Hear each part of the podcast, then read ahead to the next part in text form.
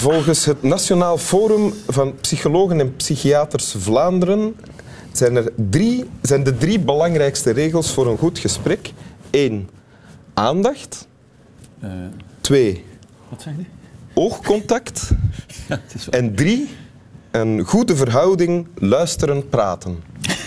Dat kan ik dus allemaal niet, hè? Nee? Maar eh, praten wel, maar luisteren is moeilijker, denk ik. Oké. Ja. Nee, nee, maar dat is goed. Gaan we, ja. Dus we gaan Gaan toch... dat een keer opnieuw doen? Nee, we gaan Ja, hier naar streven. We gaan hier naar streven. Ah, oké, Tijdens het prima, gesprek. prima. Zeer goed, zeer goed. U hebt mij al kennis gemaakt, Ja. eh, gewild of ongewild, met mijn gast van vandaag in Winteruur. Zal Welkom, ik nu mijn fragment voorlezen? welkom in Winteruur. Ik ben u nog aan het inleiden. Ah ja, oké. Peter van Herzelen, ook gekend als Herzelen natuurlijk. En eigenlijk moet ik je Hoe ga je me noemen? Peter of Herzelen? Wa- wa- Wat is jouw eh, preferentie?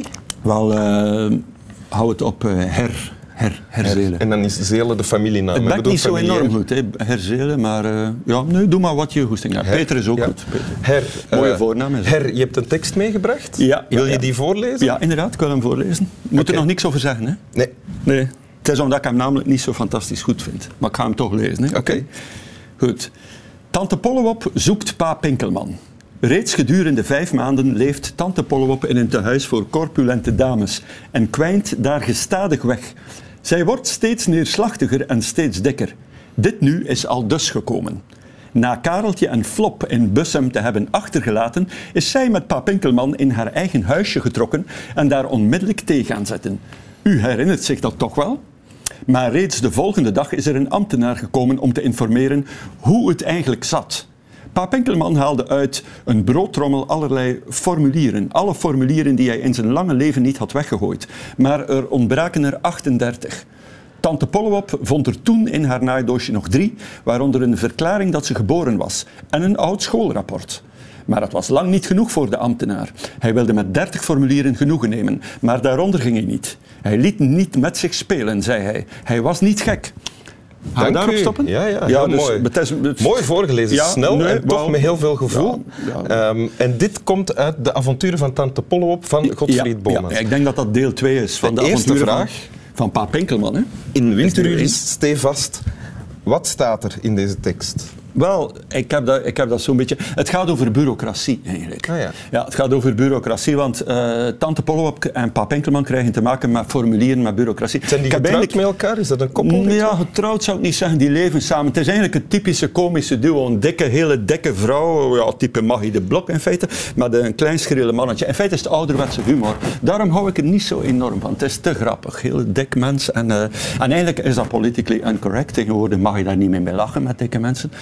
Is dat ik, zo? Ja? Wel, ik vind dat je wel, ook met middelmatige mensen moet kunnen lachen, Mhm. met geen normale mensen. Maar ik heb, ik heb dat juist meegemaakt in het stadhuis van Oostende, want ik verhuurde een huis in Oostende, oud herenhuis, drie verdiepingen, elk aan 315 euro verhuurd. Maar ik mag die niet meer verhuren. Ik moet naar twee appartementen gaan of naar eentje. En dan zitten ze toch voor je als een soort Oostblok.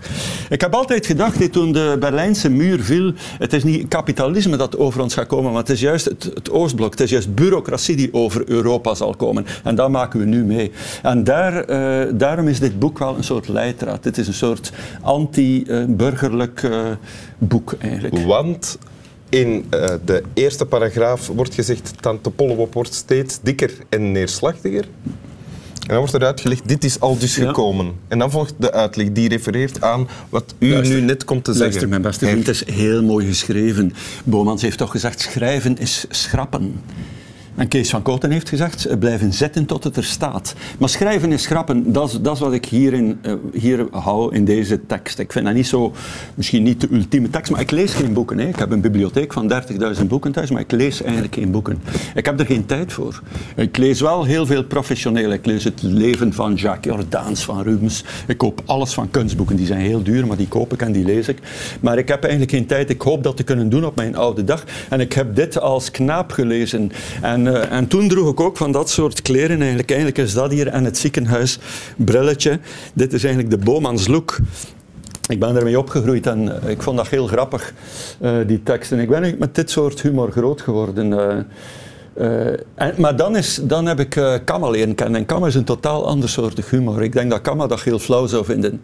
Maar aan de andere kant, bijvoorbeeld een Guy Mortier, en een Kees van Koten, die hebben uh, de avonturen van Pap Enkelman nog als hun grote klassiekers beschouwd. Hè? Want Koot en Bie bijvoorbeeld, waar, waar komt dat vandaan? Wel, het komt van Bomans. Hè? Uh, ja, is toch een... Uh, ja, het is satire. En wel, ik denk dat misschien dat is dat Kama er minder aan vindt, dat satire is. Is satirisch. Of niet? Nee? Nee, het is totaal absurd. Het is geen satire. Het is dada. Het is een vorm van surrealisme eigenlijk. Gemaakt door Nederlanders achter de oorlog. Je moet ook denken aan... Na de oorlog was een hele sombere tijd, 40 tot 45. Dan hebben onze Belgische surrealisten, de groep van René Magritte, hebben zij het surrealisme Plein Soleil opgericht. We hadden nood aan kleuren, aan zon, aan, aan vrolijkheid. En, en in 46 begint Boman zitten schrijven voor de Volkskrant. Er was nood aan een soort alle remmen los, een absurdisme, uh, ja, eigenlijk humor gewoon. Er was nood aan lachen na de oorlog. Uh, en mijn grootvader was onthoofd in de oorlog. En uh, wij zijn met die teksten opgegroeid. Ik denk dat wij ook nood hadden om te lachen. En niemand maakte die teksten. Onze Vlaamse auteurs, wel, die zijn wel goed. Timmermans, uh, De Pillesijn, Walschap, ik, Bo Boon. Ik vind dat allemaal wel redelijk goed. Klaus al een stuk minder. Ik heb laatst de gedichten van Hugo Claus ter hand genomen. In feite gelijkt dat op niks. Hè. Ik, was, ik heb geprobeerd deze zomer iets van Griet Op den Beek te lezen. Ik vind dat verschrikkelijk slecht. Hè. Dat is echt voor de, voor de kachel. Want ik zit s'avonds in de winter naast mijn kachel. Dat, is gewoon, dat zijn boeken dat ik in de kachel gooi. Maar uh, dit is gewoon, dit is geniaal. Dit is, dat is gewoon goed. Het is wel oud, het is verouderd. Ik vind het verouderd. Ik zou het misschien niet aanraden aan de kijkers.